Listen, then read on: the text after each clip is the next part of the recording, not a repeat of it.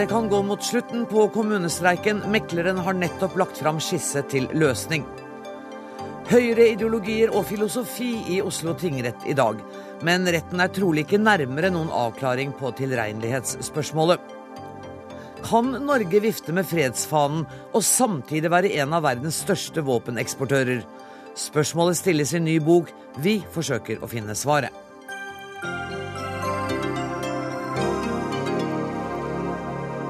I denne sendinga skal vi også møte radioentusiaster som i morgen starter en egen kanal fordi det er for mye pjatt og dårlig musikk på de radiostasjonene vi allerede har. Men først. Det er altså lagt fram en skisse til løsning i kommuneoppgjøret. Partene møttes i frivillig mekling tidligere i dag, og det gjorde og reporter Hedvig Bjørgum, du er til stede på Riksmeklerens kontor. Hva innebærer det at det nå foreligger en skisse?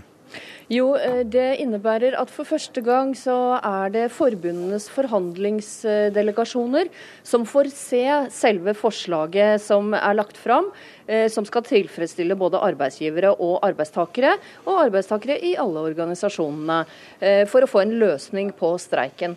Hittil så har det vært sånn at det er jo mest lederne i forbundene som har referert utfallet av ulike samtaler som de har hatt. Hvor lang tid har partene nå på seg til å ta stilling til denne skissen? Evigheten. Eh, men oh, ja. Eh, ja, vi håper jo ikke det. De håper ikke det. Eh, Riksmeklings, eh, Riksmeklingsinstituttet håper ikke det, og mekler Reidun Valvik håper nok ikke det. Eh, så, men i teorien alltid, i, i praksis kanskje noen timer. Men det at det er lagt fram en skisse fra mekleren, det er et godt tegn for alle dem som nå håper at det blir slutt på streiken? Ja, det er et veldig godt tegn. Og de hadde ikke gjort dette hvis de ikke trodde at dette var en løsning som vil tilfredsstille alle parter. Hedvig Børgen, kanskje vi i løpet av sendinga kan få enda flere svar, og kanskje du får fatt i mekleren også? Absolutt. Takk skal du ha, Hedvig Bjørgum. I rettssaken mot Anders Behring Breivik i dag har det vært fire vitner fra høyreradikale miljøer. Forsvaret hentet disse fram for å vise at Breivik ikke er alene om sitt syn på islam og innvandring eller andre av hans høyreekstreme ideer. Kollega Ellen Omland, hvem har vitnet? Som du sier, fire islamkritiske vitner. Altså det er fire personer som leder eller har ledet organisasjoner som eh, mer eller mindre mener at eh, islam er en trussel eh, mot det vestlige samfunnet, og da spesielt det europeiske samfunnet. Det var Arne Tumyr som leder Sian, Stopp islamiseringen av Norge, som fortalte i retten i dag at han driver opplysningsvirksomhet. at han mener islam er en ond politisk ideologi som er, som er forkledd som en religion. Eh, retten fikk også høre Tore Tvedt, leder av Vigrid, som, eh, Vigrid, som fortalte at eh, organisasjonen har som formålsparagraf at Norge skal være et nordisk land med en nordisk kultur. Og Det var også tidligere leder av NDL, altså Norwegian Defence League, som, som sa i retten i dag at han i utgangspunktet ikke er kritisk til innvandrere generelt, men til det han kaller en islamifisering av Norge. Og så var det Ole Jørgen Anfinsen, som driver et islamkritisk politisk nettsted. Fikk de uh, utlegge seg om sine ideologiske plattformer helt uhindret? Eh, det var vel eh, ikke helt uendret. Altså, det var enkelte ganger hvor både Mette Yvonne Larsen, bistandsadvokaten, gikk inn og, og spurte eh, dommer, eh, dommer Arntzen om dette virkelig var nødvendig, når en av de eh, holdt på å fortelle eh, seg, eller forklare seg. Men det fikk jo for å legge ganske mye ut om sine ideologier og meninger og tanker rundt islam og det at det kommer muslimer til Norge. Tore Tvedt bl.a., som leder av Vigri, han sa jo at Norge er i ferd eller han uh, forklarte at Norge er i ferd med å bli balkanifisert. At han mener at det, eh, det at det kommer muslimer til Norge er en raseblanding. Uh, han forklarte at vi får store problemer, at det blir en borgerkrig. Og da Lippestad spurte han i retten i dag altså er vi under angrep nå, så svarte han at på vegne av den delen av befolkningen som jeg representerer, så er vi under angrep. Dette er en utryddelseskrig, en etnisk rensning. og det var også mange av de andre som også kom med sterke sterke eh, utsagn. Også Arne Tumyr, som er leder av Sian, han sa at eh, islam er terror, det er en forfølgelse av ikke-muslimer. Um, og også Ronny Alte, tidligere leder av NDL, han forklarte seg. Uh, han er aktiv på nettet, mye på Facebook og diskuterer mye der. Han sa at uh, det er personer i Norge som støtter Breiviks handlinger, og som støtter manifestet. Og han sa at noen støtter bare bombeangrepet, og noen bare manifestet, men at det også faktisk fins personer som støtter alt. Det er også i dag blitt klart at det er mulig at dommen ikke kommer til å foreligge før 22.07. Eh, tingretten har sendt ut en pressemelding om at den kan komme 24.8. Hva vet du om dette? Jo, for Tingretten varslet i dag at det er to alternative datoer som de jobber med nå, eh, hvor dommen mot Breivik kan bli avsagt. Altså Det er 20. juli, som tidligere også har vært dommernes arbeidsdato. Og så er det også da denne eh, nye datoen som ble lansert, 24. august. Og hvilken av disse datoene det blir, det blir avklart 11. juli. Eh, grunnen til at de gjør det sånn, det er at det er mye som skal planlegges. Det er sikkerhet. Det venter, de venter mye internasjonal presse, og selvfølgelig norsk presse, som vil dekke dette. Eh, og hvis tingretten ikke rekker 20.07, så blir det 24. 24. august. Og grunnen til at disse to datoene ikke er nærmere hverandre, for det er jo altså over en måned imellom, det er fordi at de også skal ha tid til ferieavvikling. Mm. Tusen takk skal du ha, reporter Ellen Omland. Einar Øvrengen, du har også vært i retten i dag. Du er filosof og mm. eh, tilhører altså ikke den gruppen på fire som eh, har stått for disse høyreradikale ideologiene. Definitivt ikke, nei. Nei. Eh, jeg har fått med meg deler av det du sa i dag, og jeg syns det var interessant at du sa ondskapen finnes, og man skal vokte seg vel for å sykeliggjøre den. Eller diagnostisere den. Ja. Ja, jeg tror det er helt uh, klart. Uh, jeg prøvde også, min, Det jeg forsøkte å gjøre, var på en måte å se dette som har med utilregnelighet å gjøre, i en mer sånn rettsfilosofisk tradisjon. Og det betyr altså, er du uh, utilregnelig, så kan vi ikke holde deg ansvarlig. Vi kan ikke tilregne deg ansvar. Det vil si at du er ikke ansvarlig for dine handlinger. Vi kan ikke føre dine handlinger, tufte de på et valg du har tatt. Det er på en måte ikke ditt personlige ansvar, på en måte. Og det er jo en veldig dramatisk påstand om et menneske. Mm. Jeg innser at det kan nok finnes mennesker som er sånn, men gir en korrekt beskrivelse av situasjonen i denne saken her. Er, er han virkelig ikke sånn at vi kan holde han personlig ansvar for de handlingene, juridisk og moralsk, og det syns jeg er problematisk. Følte du at det var et ansvar du hadde da du gikk inn i tingretten i dag? At du skulle tydeliggjøre det? Ja, det følte jeg var et ansvar. For det er et ganske viktig rettsfilosofisk og moralfilosofisk poeng. Vil si at hvis vi først mener at noen er utilregnelig, så har vi på mange måter sagt at vedkommende står ikke personlig ansvarlig for disse handlingene. Det er sykdommen som taler. Og det syns jeg er svært problematisk hvis vi på en måte ser på selve den figuren her. Eh, og det er to måter vi må diskutere. altså har han virkelig ikke vært i stand til å styre seg selv og sine handlinger ved hjelp av noenlunde bevisste valg? Visste han ikke hva han gjorde? Visste han ikke at det var forbudt? ikke sant? Altså, hvilke, hvilke, rasjonelle evner hadde han? Og når vi nå samtidig også ser at du kan nok være rasjonell, men med et forkvaklet utgangspunkt, eller et, et eh, galskap som utgangspunkt, men, men utgangspunktet hans er høyst sannsynligvis en politisk ideologi som er totalt avskyelig men vi, vi, kjenner til den, og vi har sett eksempler på den før. Og hans begrunnelser eh, de har vi hørt før innenfor disse ideologiene, som er dypt menneskefiendtlige ideologier. Absolutt. Men de eksisterer.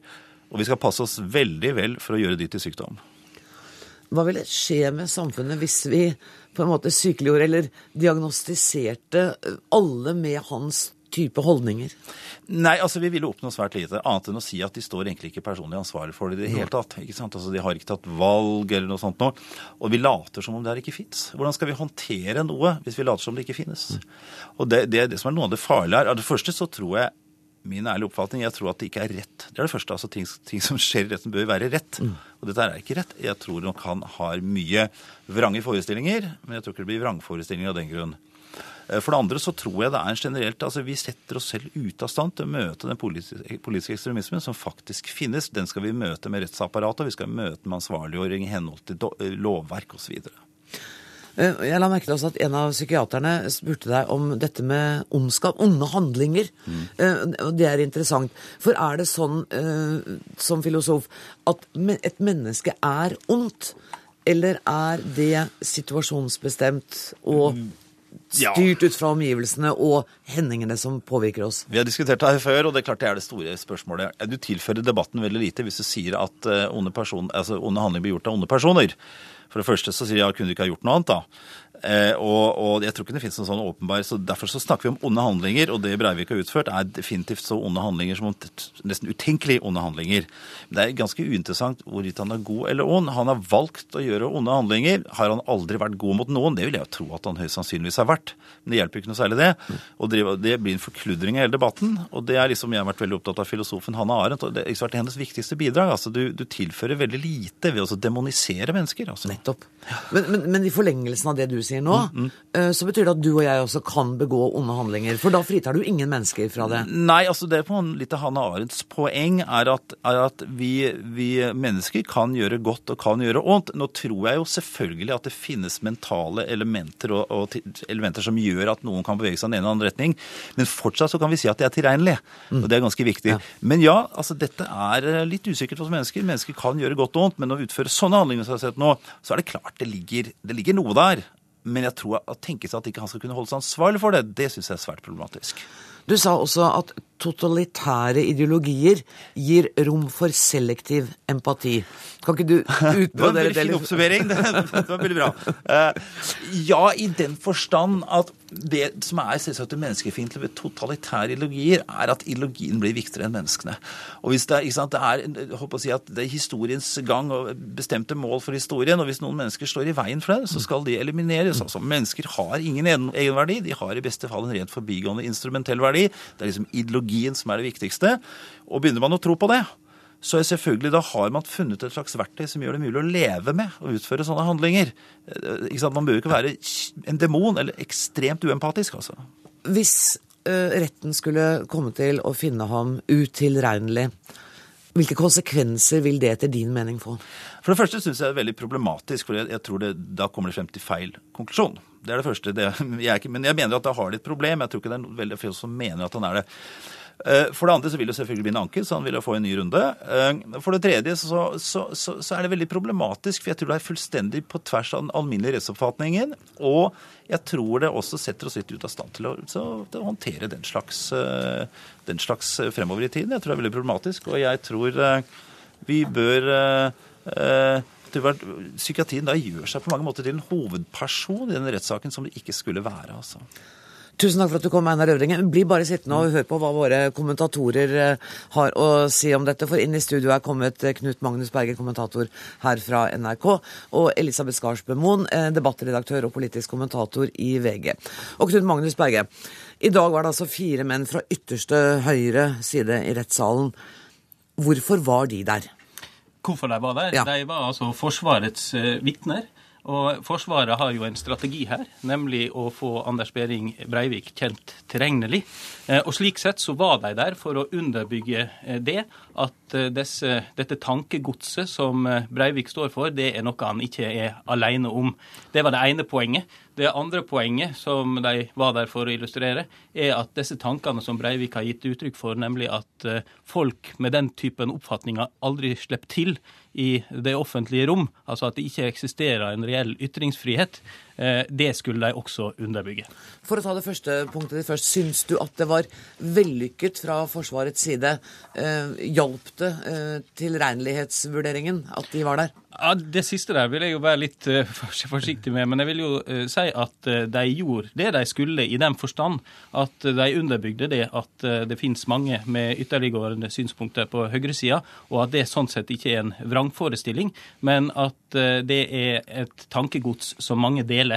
Så slik sett, ja. Men dette har vi jo hørt nå i ganske mange dager. Så slik sett så føler jeg at på det punktet så, så bevegde det kanskje ikke saken noe særlig videre. Elisabeth Skarsbø Moen, noe av kritikken er, som Knut Magnus Berge sier, fra disse høyreideologenes side, at de ikke slipper til. Mm. Og som debattredaktør, tar du det ansvaret på deg? Nei, jeg vil si at det er feil. Jeg vil si at i forhold til dem, det de representerer og antallet de representerer, som det sjøl sto i retten i dag og sa faktisk var få, uh, så har de kommet godt til orde i den norske offentlige debatten, vil jeg si. Og som Tumir var inne på sjøl, han som er leder fra Sian, stopper islamiseringen av Norge. Han sier jo at da internett kom i 1995, så er det klart at da fikk de en liten ventil og fikk sette en del dagsorden i offentlig debatt. Og på den måten kom de jo også stadig mer inn i trygt presse, eh, og inn i samfunnsdebatten for øvrig. Så Og, og, og, kanskje til en for stor grad, vil jeg si, på et visst tidspunkt. Fordi at de representerer ikke veldig mange. Men samtidig så er det jo viktig at så ekstreme holdninger kommer fram og blir mm. satt søkelys på. Men Vi har invitert en av dem til Dagsnytt 18, men han valgte altså å ikke mm. komme hit Men det som er viktig å si, er at når de føler seg så marginalisert, da, som de fremstiller seg sjøl som i dag, så er det ikke det, mener jeg. Men det som eh, de nok føler på, er at de har ikke gjennomslag i den offentlige debatten. Altså, de får ikke rett. Eh, de får ikke politikerne med på sin side side. Og det er vel det jeg mer føler som en slags maktesløshet, da, at jeg ikke får rett, rett og slett. At jeg får ikke bestemme politikken mm. eh, mer enn jeg ikke får komme til orde. Men, men, det er jo en Altså, det skjer jo hos alle. Men, det skjer hos alle, men eh, jeg vil jo si at det, i den grad ikke sant, vi har fått vist fram at det er flere som nå deler Breiviks syn, eh, så er det jo også Eh, noen spesielle karakterer av dette her. Så hvor langt må det være gå an å si at ja, det er Ja, Si mer om det. Ja, jeg syns jo Ja, jeg kan jo Det er jo ikke vet ikke om de fleste av oss vil identifisere oss med disse personene som sto der, absolutt. Eh, det er et veldig indignasjon, veldig sinne, raseri på samfunnet eh, på, en, på et, et hold. Men så Tore Tvedt igjen jo virka som han har tenkt å ta ta sånn julejobb som senternisse. Liksom. Han er jo så blid og god kar, liksom. Og ja, nei, vi lever i et terrorregime, men shit au, liksom. Så det er, veldig, det er litt spesielle karakterer av dette her, da. Men det har jo det til felles at jeg mener at jeg lever omtrent i et diktatur, da. Knut Magnus Berge Nei, det, det, det, går jo an å sette et lite skille mellom de fire som representerte ytre høyre i dag i retten. Tre av dem er jo mer i den kategorien som eh, Elisabeth Skarsbø Moen nå eh, nevner. Det var vel mer et innblikk i eh, de dunkleste hjørnene av eh, ytre høyre i Norge, og hva som eh, foregår av tankevirksomhet der.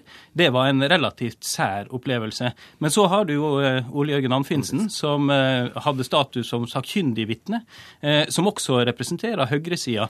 Men til dette med å ikke slippe til, han gjorde jo et poeng av at han eh, i og for seg hadde eh, deltatt aktivt i den store offentlige debatten. Så det illustrerer muligens at det òg har noe med form og tilnærming å gjøre, i hva grad man kommer på trykk eller ikke. Øvrenga har sagt at fra et rettsfilosofisk standpunkt så er det vanskelig å argumentere for utilregnelighet. Mener dere at retten i dag har kommet et skritt videre i avklaringen når det gjelder Anders Behring Breiviks tilregnelighet eller utilregnelighet? Nei, jeg tror eh, faktisk at den avklaringa kommer vi ikke til å få i løpet av eh, disse rettsforhandlingene. Den kommer retten til å måtte ta stilling til og legge fram i eh, dommen.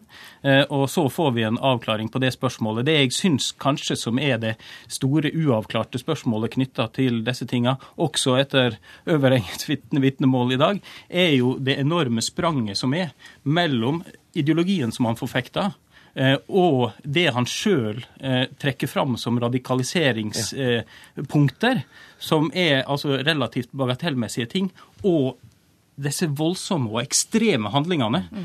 og i hvor stor grad eh, der er en, en sam... Altså går det an å forklare det ene med det andre? Det tror jeg er det store uløste spørsmålet.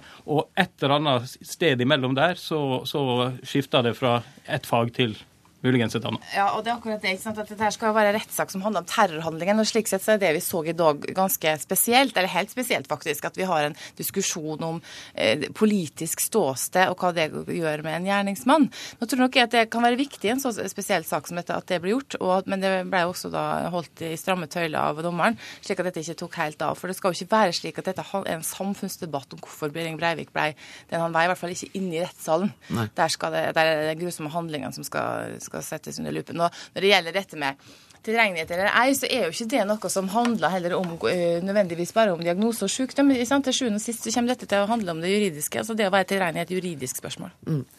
Øvrengen var så vidt inne på dette om uh, psykiaterne kan få en for stor rolle i, i denne vurderingen. For det er jo retten som skal til sjuende og sist ta stilling til det. Er det en frykt dere kan forstå? I alle fall så er jeg helt overbevist om at er det én ting denne rettssaken kommer til å gi oss, i tillegg til en dom, så er det en kraftig debatt eh, også i fortsettelsen av rettspsykiatriens eh, rolle i norsk rettspleie. Eh, siste ord er neppe sagt i den, men at det kommer til å komme endringer på dette feltet, er ganske sikkert. Det var noe av det samme som Riksadvokaten antydet da han satt i dette studio her i går. Um, har dere gjort dere opp noen mening? Nei, det vil dere jo ikke si. Jeg sier bare tusen takk til Knut Magnus Berge. og og Elisabeth Skarsbømoen, og selvfølgelig til filosof Einar Øvrenge.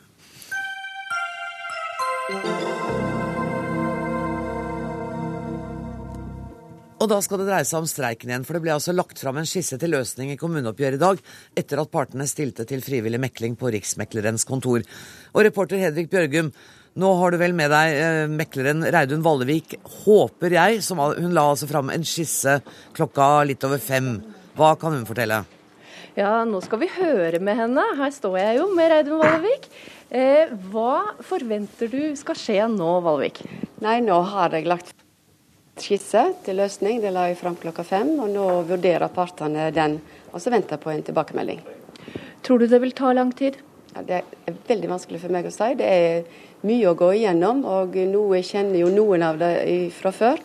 Men mange kjenner ikke innholdet, og iallfall ikke i detalj. Så det må nok ta noe tid. Ja, Som dere hører så er dette en mangfoldig oppgave. Det er jo en løsning for 400 000 ansatte, dette, og med mange forbund som har sine særegenheter. Eh, det er ikke sånn at eh, de nødvendigvis godtar eh, dette forslaget alle heller. Så her er det mange muligheter for løsninger. Vi så dette også i Oslo kommune litt tidligere, at noen godtok forslaget til løsning, andre ikke. Så vi har muligheter for streik, delvis streik og ingen streik. Tusen takk skal du ha, Hedvig Bjørgum, Steinar Mediås, eh, økonomikommentator her i NRK. Hva tror du en sånn skisse inneholder nå?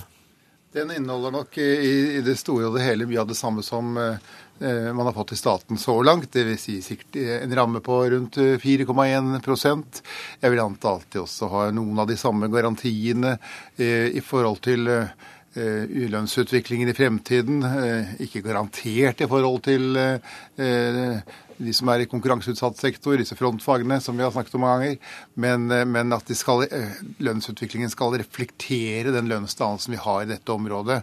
Så eh, på mange måter så kravene er innfridd eh, i veldig stor grad. Kanskje man kan ønske seg en garanti, komma litt til, høyre, men, men, men, men, vi er på mange måter i mål. da. Du satt i dette studioet i går og sa at innen et døgn skjer det noe, og jammen fikk du rett. Ja, ja, jeg har trodd at enten så kommer man til løsning i løpet av mandagen eller tirsdagen, eller så blir det tvungen lønnsnemnd. Eh, men eh, altså, nå, det at det er lagt fram en skisse Tradisjonelt så er jo det det første signalet på at streiken avblåses. Ikke sant. Og det betyr at eh, slik jeg kan forstå dette, er at partene har nå i tross alt sittet i tolv dager og eh, vekket dette sammen. Eh, og når, de kommer, når det kommer nå en skisse, så må den jo være forankret hos de som har forhandlet. Ellers hadde det jo vært meningsløst. Så jeg tror det som nå må skje, er at de som har forhandlet, må sørge for å forankre dette resultatet hos sine egne. Hva tenker du om tidsperspektivet da? Det tror jeg må gå ganske fort, eh, fordi eh, man må ha litt politisk vett i sånne streiketider. Eh, fordi at de, de, streikerett i offentlig sektor er en veldig spesiell streikerett. Mm. Man setter store samfunnssystemer rett og slett ut av spill, og det koster veldig mye. Og hvis man gjør for mye politiske dumheter, og da tenker jeg ikke nødvendigvis bare de som, driver med, som er ansatt i regjeringen, men man kan gjøre det politiske dumheter også som forhandler her. Eh, og det vil skade dem i neste runde. Kan Unio Stat fortsette streik hvis det nå blir løsning i kommunene? Det kan jo det, eh, men eh, jeg vil tro at Altså For å si det slik, hvis vi får et opptrappingsvedtak i morgen, da vil jeg si at det er politisk selvmord. Så, eh, og det er så utenkelig for meg at jeg tror, jeg tror ikke de er så suicidale at de gjør det. Ville det være det? Ville det være en selvmordsakt å ja, trappe opp i morgen? Fordi da står eh, den, den, norske demokrat, eh, norske demokratiets streikerett står da i komediens lys. Og da er, har man altså glemt hvilken rolle man skal spille i dette. Man må passe på, som jeg har sagt før, dette er et rollespill med innøvde replikker, men man må passe på ikke å overspille.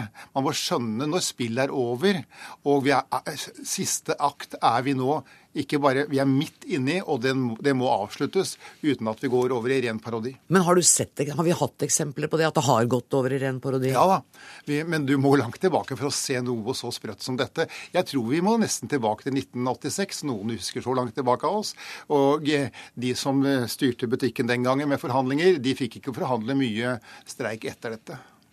Så du regner med at hva da, i løpet av et døgn nå så er uh, streik? Da må det være over. Ellers så får du til en tvungen lønnsnemnd. De som kan jo utløse tvungen lønnsnemnd, er jo vekterstreiken.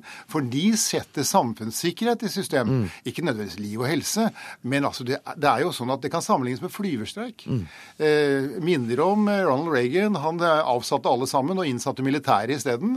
Så det finnes jo andre løsninger, men de er ikke typisk norske. Nei, det vil jeg si. De er ikke helt typisk norske. Og det kommer trolig ikke til å skje. Tusen takk for at du kom i studio, kollega Stein Einar Mediås. Hør Dagsnytt 18 når du vil, på nettradio eller som podkast. nrk.no – dagsnytt 18.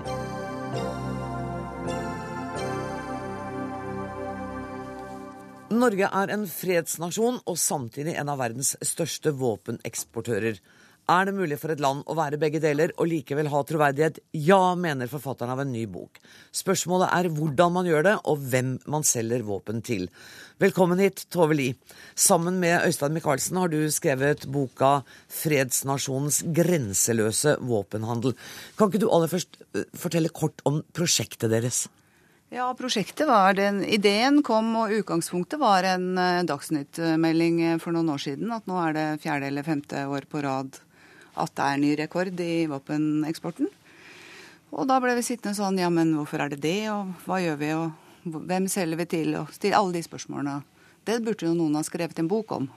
Så var det ingen som hadde skrevet akkurat den boka, så gjorde vi det sjøl. Det er vanskelig å lese den boka uten å se den som en grunnleggende kritikk av norsk våpensalg og den manglende åpenheten omkring eksporten. Mm. Hva etter ditt syn var det vanskeligste spørsmålet? Er det selve eksporten, eller er det tausheten? Tausheten er jo absolutt eh, noe som er eh, en veldig stor utfordring og vanskelig, og som vi har eh, ja, støtt på stadig vekk. Sånn at eh, eksporten som sådan kan man jo diskutere, men det er veldig mye taushet rundt eksporten også. Hvem man eh, ikke, ikke, nødvendigvis hvilke land man selger til, men hvem i landet som mottar, og hva de skal brukes til, og hvor god kontroll vi har på etter at vi har solgt. Og det er hemmelig. Mye. Torgeir Larsen, statssekretær i Utenriksdepartementet. Eh, må det være et sånt hemmelighold, eller kan dere være mer åpne på dette? Norge har et av verdens mest åpne regimer på, på eksport. Hver eneste høst så legger eh, regjeringen fram en stortingsmelding som går gjennom eh, de våpnene som er solgt fra Norge. Det er helt uvanlig altså globalt sett. Det er også hvilke avslag som eh, er fatta i forhold til dem som da ikke får våpen, eh, og, og, og hvem som får. Eh, men la meg først si to ord om, om det å produsere våpen. Jeg tror at boken som jeg har fått gjengitt, jeg har ikke fått lest i den mye selv, men representerer en debatt som er viktig mm. i landet i forhold til en viktig sektor. For det er en viktig sektor i, i vår industri har vært det lenge. Vi har et forsvar, vi er medlem av Nato. Eh, vi produserer eh, våpen. Eh, vi har hatt 50 000 fredsbevarende og fredsopprettende soldater i tjeneste under FN-mandat. De har norskproduserte våpen. Det er høyteknologiarbeidsplasser i mange lokalsamfunn. Og det produseres mer i dag enn for, et år siden. Vi har hatt vekst. vi produserer mer. Mm. og det gjøres under et eksportregime som er en av de aller, aller strengeste i hele verden. Eh, og det mener jeg det er god grunn til å være, være stolt av.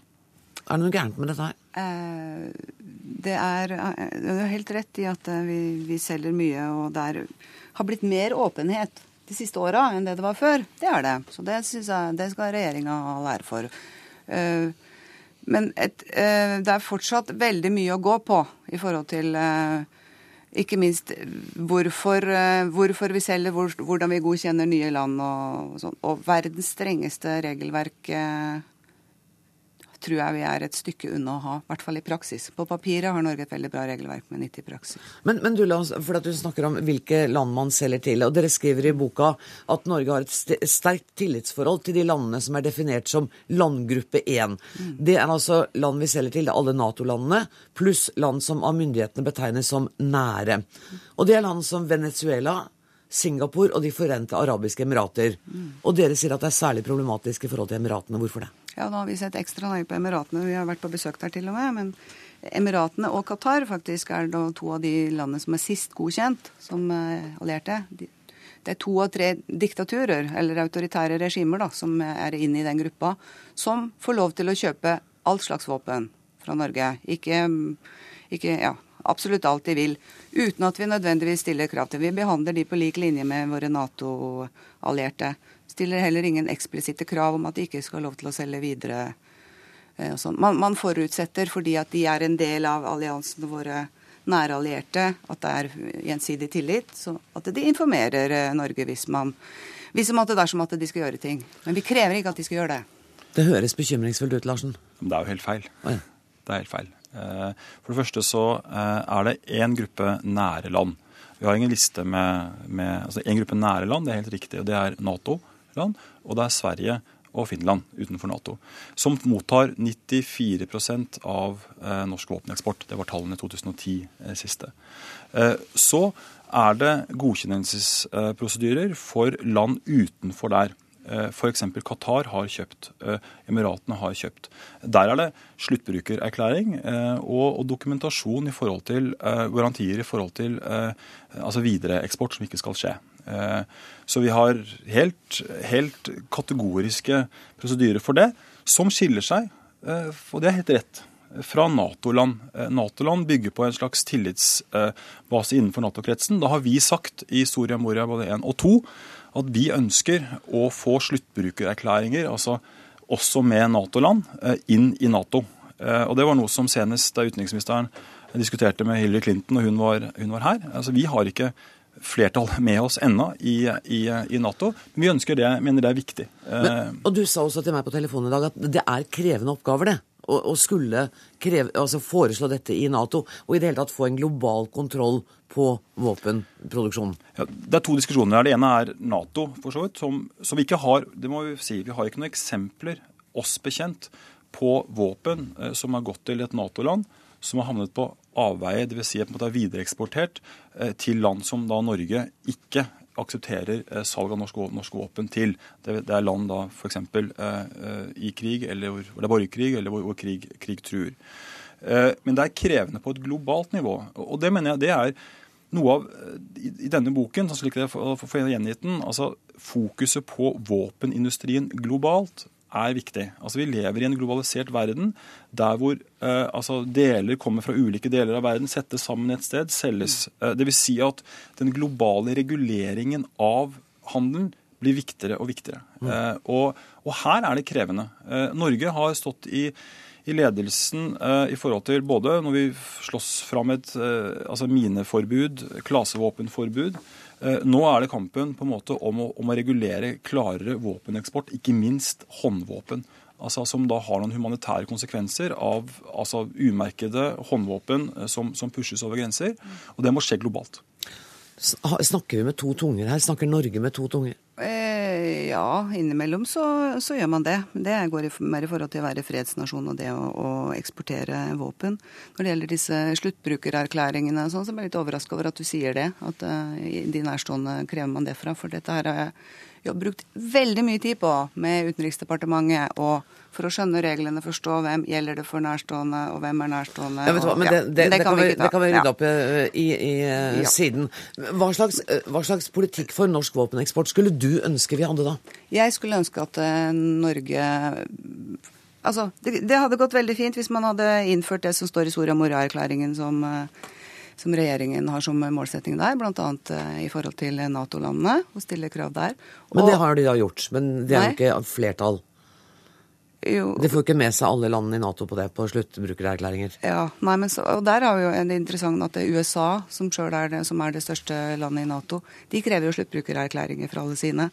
Og UD sier også til oss som står på trykk i boka, at de aller fleste eh, allierte gir jo frivillige sluttbrukererklæringer. Så det høres egentlig ikke ut som om det er så veldig langt unna at det kan, eh, kan gå. Og dessuten så kan jo Norge gå foran sjøl med å innføre en ensidig mot eh, sine allierte også. Ja, bare for å understreke det, for Du vil ikke at Norge skal stanse våpenproduksjon og eksport? Nei, ikke nødvendigvis. Men det handler om måten man gjør det på. Det er helt legitimt å drive med eksport, men da må man ha klare regler for å være, å være, å være streng i praksis også, ikke bare på papiret. Mm. Er vi for slappe i praksisen her, Larsen? Jeg mener vi er eh, veldig veldig strenge. Av de aller aller strengeste i, i verden. Når det er sagt, så er det en utvikling eh, globalt som eh, vi må følge med på. Og vi eh, altså si, fintuner eller kalibrerer eh, altså vårt system for å følge opp eh, hvert eneste år. Eh, vi har bygget opp en egen seksjon i Utenriksdepartementet. Eh, en av de få områdene hvor, hvor det er flere, flere stillinger i tider hvor det, hvor det kuttes på dette området. Det er en erkjennelse av at, at, Norge eksporterer våpen, og eksporterer mer våpen i år enn, en, en for et år siden. Så det vil si at vi må ha ressurser, for det er et, et tungt ansvar det å skulle følge opp et regelverk som er viktig, og sørge for så langt overhodet mulig at norske våpen som eksporteres, ikke kommer på avveie og kommer i hender de ikke skal komme i. Et av problemene her også er at man faktisk ikke kontrollerer om de kommer på avveie eller ikke. Man spør ikke de man selger til. Hensikten med boka var altså å skape en eh, debatt. Den heter 'Fredsnasjonens grenseløse våpenhandel'. Og tusen takk til forfatter Tove Li og til statssekretær i Utenriksdepartementet Torgeir Larsen.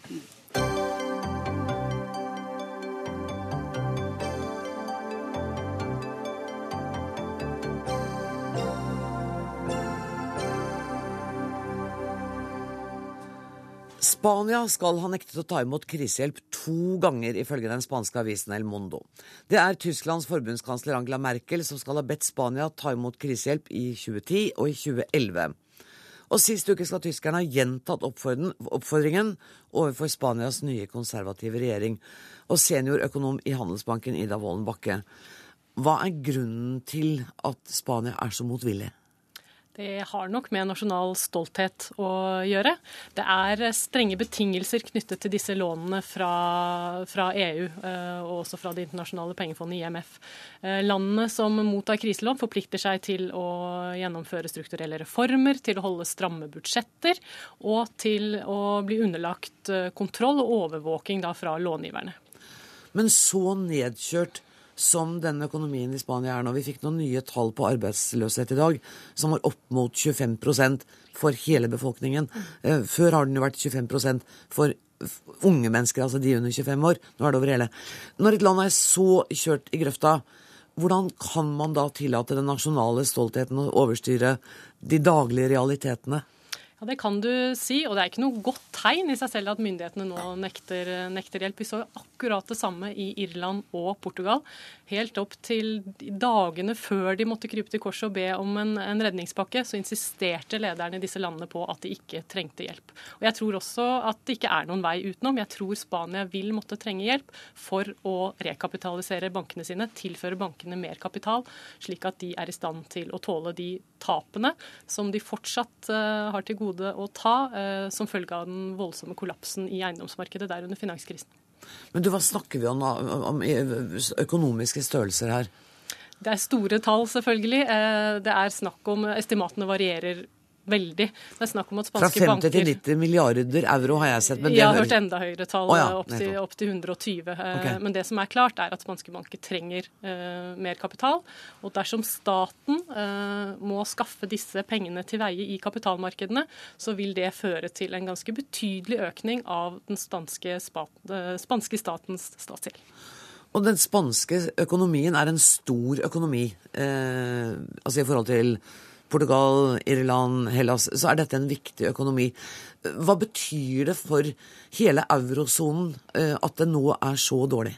Nei, Dette er en veldig kritisk situasjon for eurosonen. Det har vi jo sagt tidligere. Men eh, når de store landene som Spania og Italia settes i spill, så er det klart en langt mer alvorlig situasjon enn det vi har sett eh, så langt. Men hva med bankvesenet i Spania? da? Kan hele ryke?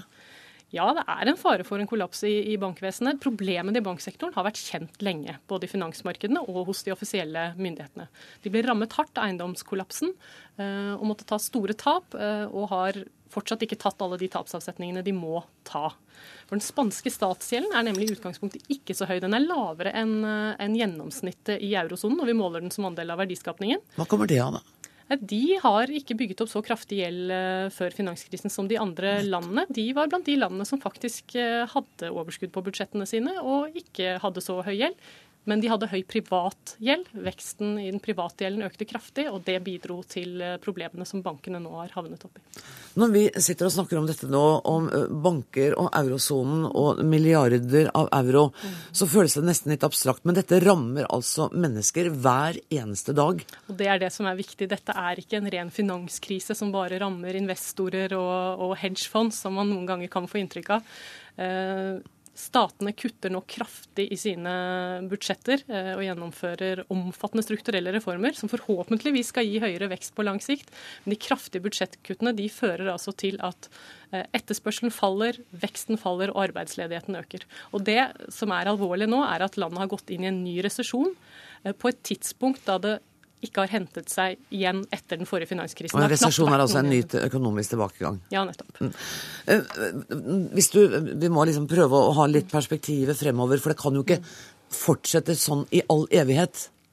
Hvor lang tid trenger Spania på å stable seg på beina med EUs hjelp? Det er det store spørsmålet. Vi får håpe at det finnes en løsning her nå hvor de faktisk tar imot hjelp fra, og tar kriselån og rekapitaliserer bankene, som kan roe markedene noe. Eh, jeg tror ikke eurosonens problemer er løst med det. det. Det krever mer omfattende tiltak.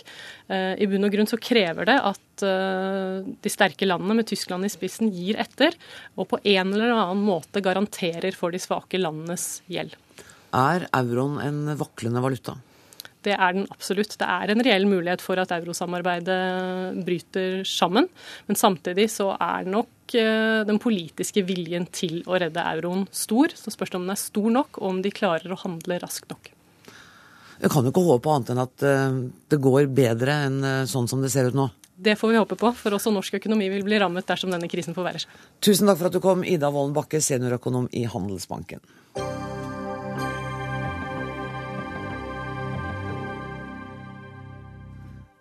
Blir du fristet til å dra på handletur til en storby eller til å ta med deg barna på sydenferie med en billig flybillett, da må du betale tillegg for ekstra bagasje eller en setereservasjon.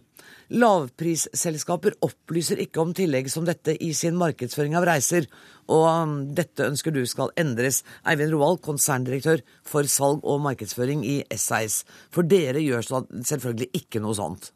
Nei, Vi mener at eh, man skal være åpen og ærlig og fortelle forbrukeren hva det egentlig koster å reise. Og Vi opplever at det har blitt en jungel med gebyrer, slik at den prisen du blir lokket inn til, enten det er du leser en annonse eller du ser på, på, på nettet, det er ikke reelt det du kommer til å betale når du skal ut og reise. Og Vi har altfor mange eksempler på det. Ja, for eksempel fra Norwegian, har du sagt. Kom igjen, hva er, hva er eksemplene? Nei, altså, vi, vi tok sjekket rett før vi gikk i studio nå. Hvis du er en familie som bor i Trondheim f.eks., og du skal til Stockholm, eh, så begynner altså prisen på SAS og Norwegian den er ganske interessant. Den er lik i dette tilfellet her.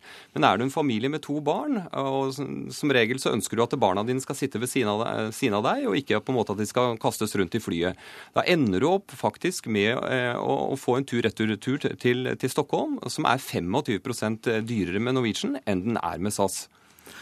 Anne Sissel Skånvik, jeg skal ta inn deg. Jeg skal bare ta fram en annonse som SAS hadde i dag, og som du har gjort oss oppmerksom på. I sommer flyr barn for null, skriver SAS.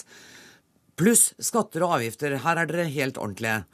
Men det dere ikke skriver, er jo at den ungen på, gjelder unger opp til elleve år. Den ungen den koster ikke null hvis den skal fly aleine. Nei, det er riktig. Det er, hvis en skal fly yes. alene, så er det et eget, eget gebyr på det. Det er, det er, helt riktig. Men vi er veldig tydelige på at skatter og avgifter, eh, slik som det kommer fram her, det er jo moms, og de avgiftene som går til staten, de, de eh, må du betale i tillegg. Og det er eh, for hele bransjen. Jo, men himmel og hav. Det kommer gebyr i tillegg hvis ungen skal reise alene. Dere gjør jo nøyaktig det samme som Norwegian. Dere underslår viktig informasjon. Ja, Vi mener jo ikke vi underslår viktig informasjon, fordi det står veldig klart på våre nettsider at når de reiser alene, så vil det komme et eget gebyr på det. Men det står kjempeklart på Norwegian sine nettsider hva jeg må betale ekstra der også når jeg bestiller billett, for det har jeg vært inne og gjort i dag.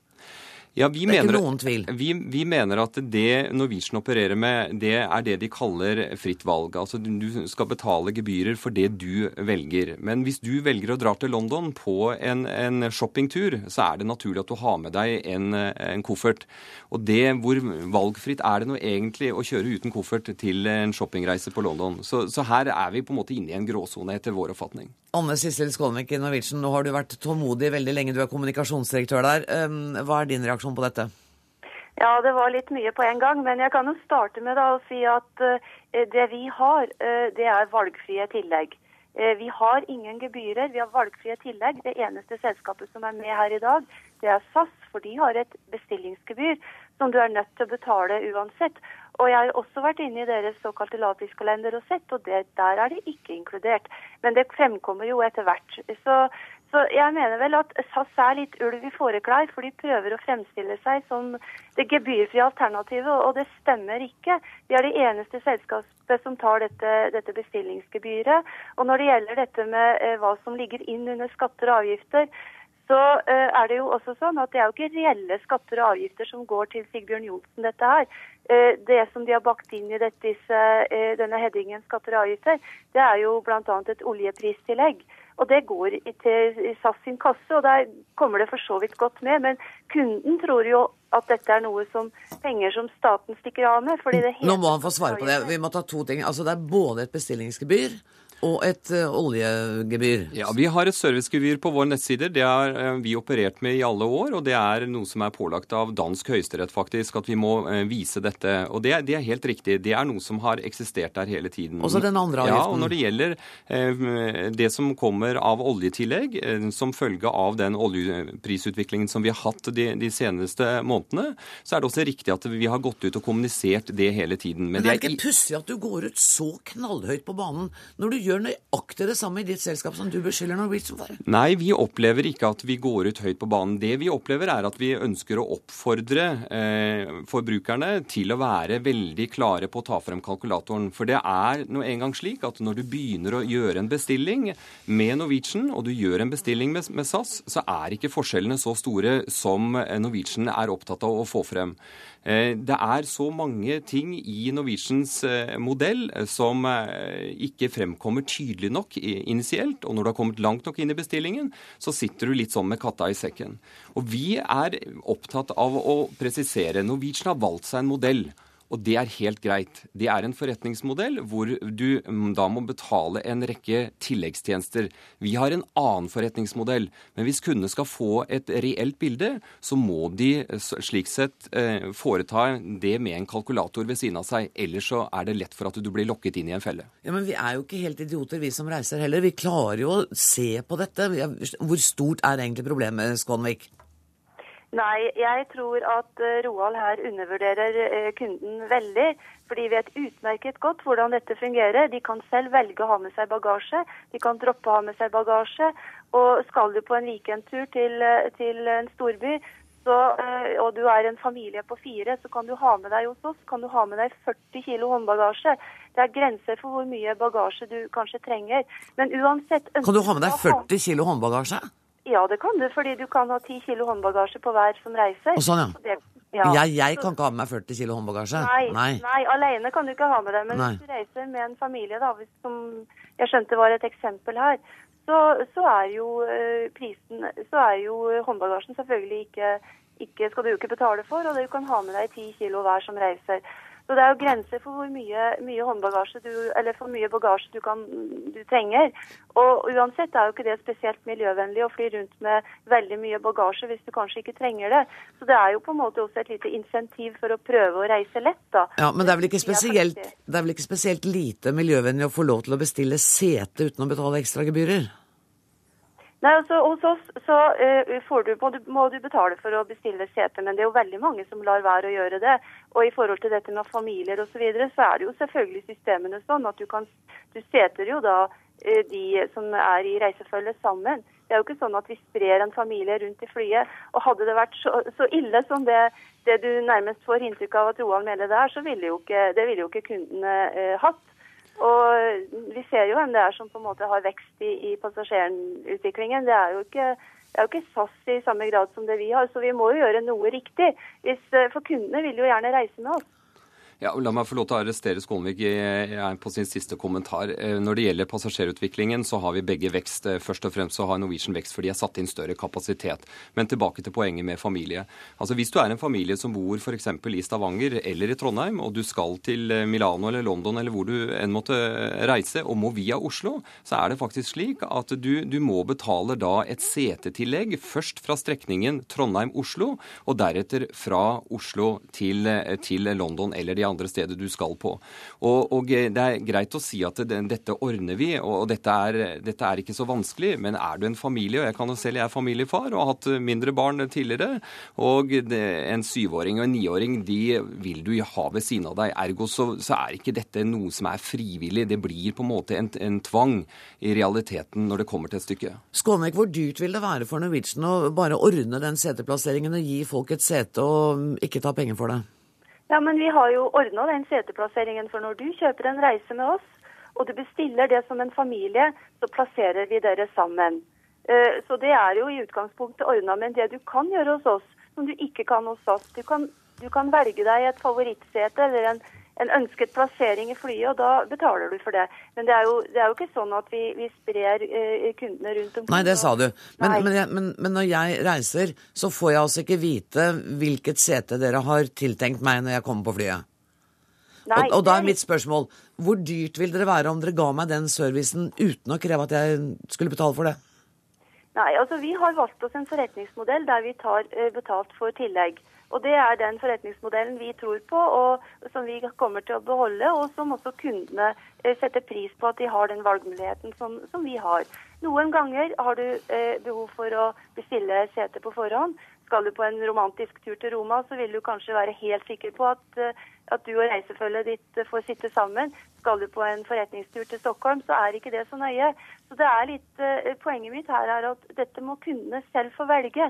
Og det er uh, det vi, den forretningsmodellen vet du, hva jeg skulle, vet du hva jeg skulle ønske? At kundene ja. fikk lov å velge. At vi fikk vite alt, og at dere var åpne alle sammen med alt vi egentlig må betale.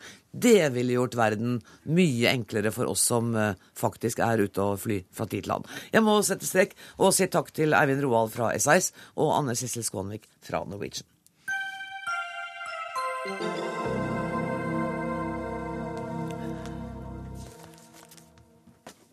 Det er for mye pjatt og for lite innhold på norsk radio. Det mener P4s tidligere radiofrokostvert Tor Andersen. I morgen lanserer han sin nye radiokanal med navnet Ordentlig radio. Kanalen skal bare spille norsk musikk, og eies av bl.a. Øystein Sunde, Halvdan Sivertsen, Helene Bøksle og Hanne Krogh. Tor Andersen, hvorfor gjør du dette? Nei, Det er jo ikke så mye fordi det irriterer meg at det er mye skravling og mye pjatt på radio, men det er vel egentlig fordi jeg har dårlig samvittighet, og fordi at jeg har funnet så mye som jeg ikke har fått eh, spilt for lytterne mine. Så egentlig hadde jeg jo trodd at jeg skulle gå med pensjon, for det er jo sånn at hvis du runder 60 og vel så det, så kommer staten løpende med penger for at du skal holde deg vekk fra arbeidslivet, men så må jeg lage Har ikke vært i nærheten av meg. Sjekk, sjekk.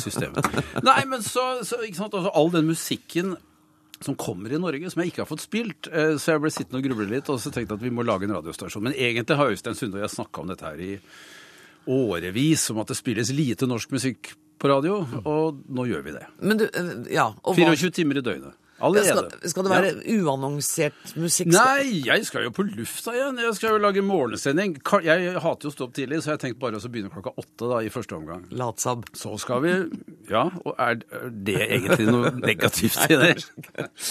Eh, og så skal vi ha andre. Vi skal bl.a. ha et nyhetsprogram som heter Lytt på nytt. Ja, Lytt på nytt hver dag med en tidligere sagnomsust NRK-radiomann som skal lage et nyhetsprogram om norsk populærmusikk to timer hver dag. Du. Ten, den, det blir en, en, en, et program som ingen kan unnvære. Du store min. Går det i konkurranse med Dagsnytt 18 f.eks.? Aldri. Nei, nettopp. Ingenting. Når det, når det gjelder 18 til 19, så skal vi være helt stille. Ja, det er jeg glad for. Hanne Krogh, du er med som eier av denne kanalen. Hvorfor valgte du det? Jo, det er i hvert fall ikke for å spille Hanne Krogh-musikk. For det syns jeg det er spilt mer enn nok av på norsk radio. Men det er faktisk en svært idealistisk eh, tankegang. fordi det er jo sånn at det som er en kunstner, for å bruke et stort ord i denne sammenhengen, det er jo evnen til å se. Mm. Og til å løfte det opp i lyset så vi andre også ser. Og i vår tid, med et så ekstremt krav til endring, så er det veldig viktig med forankring. At vi vet hvem vi er. Ellers så tror jeg ikke vi klarer det endringskravet som er. Og det er de unge kunstnerne som forteller oss hvilken virkelighet vi i dag lever i. Dette er noe jeg virkelig brenner for. F.eks. Carpe Diem. Mm. Fantastiske musikalske kunstnere som beskriver for meg hvordan virkeligheten er akkurat nå, i det litt annerledes farvede Norge som vi har i dag. Og det er så viktig at vi faktisk aktivt synliggjør unge kunstnere. Og der er populærkultur enda viktigere enn det som er for de spesielt interesserte som, som uh, frekventerer Litteraturhuset og, og, nærmere, for det er allerede menigheten. Men det er for at vi virkelig skal vite hvem vi er i den mm. vanlige hverdagen. Da er det viktig. Så, og bare se på det, Hver gang vi møtes, se hvilken oppmerksomhet det viser ute blant folk at, de faktisk, at det er så helt eksepsjonelt at de får høre norske kunstnere synge sine sanger. At de sitter hjemme i stua og gråter. Ja, vet du ja. hva det er. Men, men eh, og det, det, altså, vi er jo så rause i Dagsnytt 18 at vi gir jo gjerne reklame til nystartede radio... Det er jo nyttig samfunnsinformasjon. Hvem har dere tenkt skal være lyttergruppa deres? Ja, det er det, det, er det der spørsmålet det er hele tiden. Ja. De som liker norsk musikk, de som er nysgjerrige på norsk musikk. er vanskelig for oss å aldersfeste det. Det skjer jo innmari mye på Altså, jeg har voksne barn som spiller ny musikk for meg som jeg liker, og jeg spiller ting som jeg likte for oh, meg, 40 år siden, som de syns er greit. Ja. Altså, Er det aldersbestemt musikk? Jeg vet og ikke helt. Og jeg har en 19 år gammel jente som var russ nå, og som sier mamma, det er så fryktelig, jeg finner ikke norsk musikk på radioen. Hun er ikke særlig Hanne Krogh-fan, for å si det sånn, men hun etterlyser det. altså. Men er det sånn at vi som er godt voksne, håper og tror at de unge liker vår musikk også, og så er de, syns de egentlig at vi er litt kjedelige? Ja, men vi skal jo ikke spille vår musikk. Trekkspilltimen, hva har du tenkt skal Ja, jeg skal lage trekkspilltimen, men jeg har også et program allerede nå som heter eh, Norsk Metall. Og vi er i dialog med eh, alle mulige sånne sjangre. Altså, jeg har en slags eh, tanke om at alle lytterne må ikke høre på radioen hele tiden. Altså, Vi kan gå rett inn og lage trekkspillmusikk. Vi kan kjøre svenske danskeband, eller hva det heter for noe. Og vi kan lage alle mulige sånne nisjeprogrammer. Men det er klart, i den gode gamle prime time mellom 06 og 18 så skal det jo være et noenlunde sånn allmenngyldig musikktilbud. Men det skjer mye, altså. På teknikk og sånn hjemme hos folk som har talent nå. De spiller jo inn ting som er helt fabelaktige. Vi har allerede lagt ting på A-lista vår i, i, i ordentlig radio som, som, som, ikke har vært i nærheten av plateselskaper, men som ligger der uh, uten å skille seg ut på noen som helst måte. Det er, det er så innmari mye at jeg er, er litt sånn uh, nesten gått over tida når det gjelder svangerskapet, når det gjelder å spille norsk musikk. Men du, jeg, Nå datt jeg litt av, for jeg, ble ja, egentlig litt nysgjerrig på, på hvem ja. den NRK-profilen var. Kan du si hvem det er? eller? Skal... Mikael Skorbakk. Nei, men han har jeg hentet ned fra Trondheim. Han jobbet som liten tass da jeg drev med nærradio i Fredrikstad. Den gang vi var større enn NRK. Fikk du med deg det? Ja, Nå har jeg fått med meg alt. Nå er jeg helt på plass igjen. Også, men, men Hanne Krogh, skal du bare sitte og eie? Skal du ikke jeg, jeg vil gjerne være med i et råd, i hvert fall. Og kunne si at Hun sitter kanskje... i Radiorådet. Ja, det er fint. Og jeg syns jo at eh, det er kanskje å si noe helt feil i forhold til denne radioen, som jeg håper skal bli fantastisk mye lyttet til. Men noe av det jeg håper også det kan virke til, er å pushe på de andre allerede eksisterende radioene, så de skjønner at eh, Folk syns faktisk det er ålreit å høre norsk musikk. Ikke bare norskspråklig, men ting som er lagd her hjemme. Mm, jeg tror vi kommer til å bli eh, Norges mest kopierte radiostasjon. Er det nettradio? Snart så kommer Absolutt norsk på NRK. er det ler av. Det ja, foreløpig nettradio. Men det er klart, jeg har snakket med noen uh, lokalradiostasjoner som er litt sugne på å videreformidle programmene våre. Så uh, langtidsperspektivet er at dette skal være en riksdekkende radiokanal? Det er jo en verdensdekkende radiokanal ja, nå. det når, når, du Hanne Krogh, snakker om uh, at du, dere har lyst til å pushe de andre kanalene, ligger det implisitt her også en kritikk av NRK? Nei, det ligger Jeg syns det er veldig sånn Det er veldig nisjepreget, det som er av musikk. Og jeg, eh, jeg syns det er Ja, og jeg, nå snakker jeg ikke for min sykemor Tor i det hele tatt, altså. For jeg har levd i en helt annen tid hvor faktisk norsk musikk kom fra. Men jeg er så nysgjerrig på å høre hva som lages, og jeg finner det ikke. Jeg finner det midt på natten. Ja. Det er, ikke, det er, ikke, noe kritikk av noen, egentlig. Dette nei, er bare noe vi har lyst til å gjøre.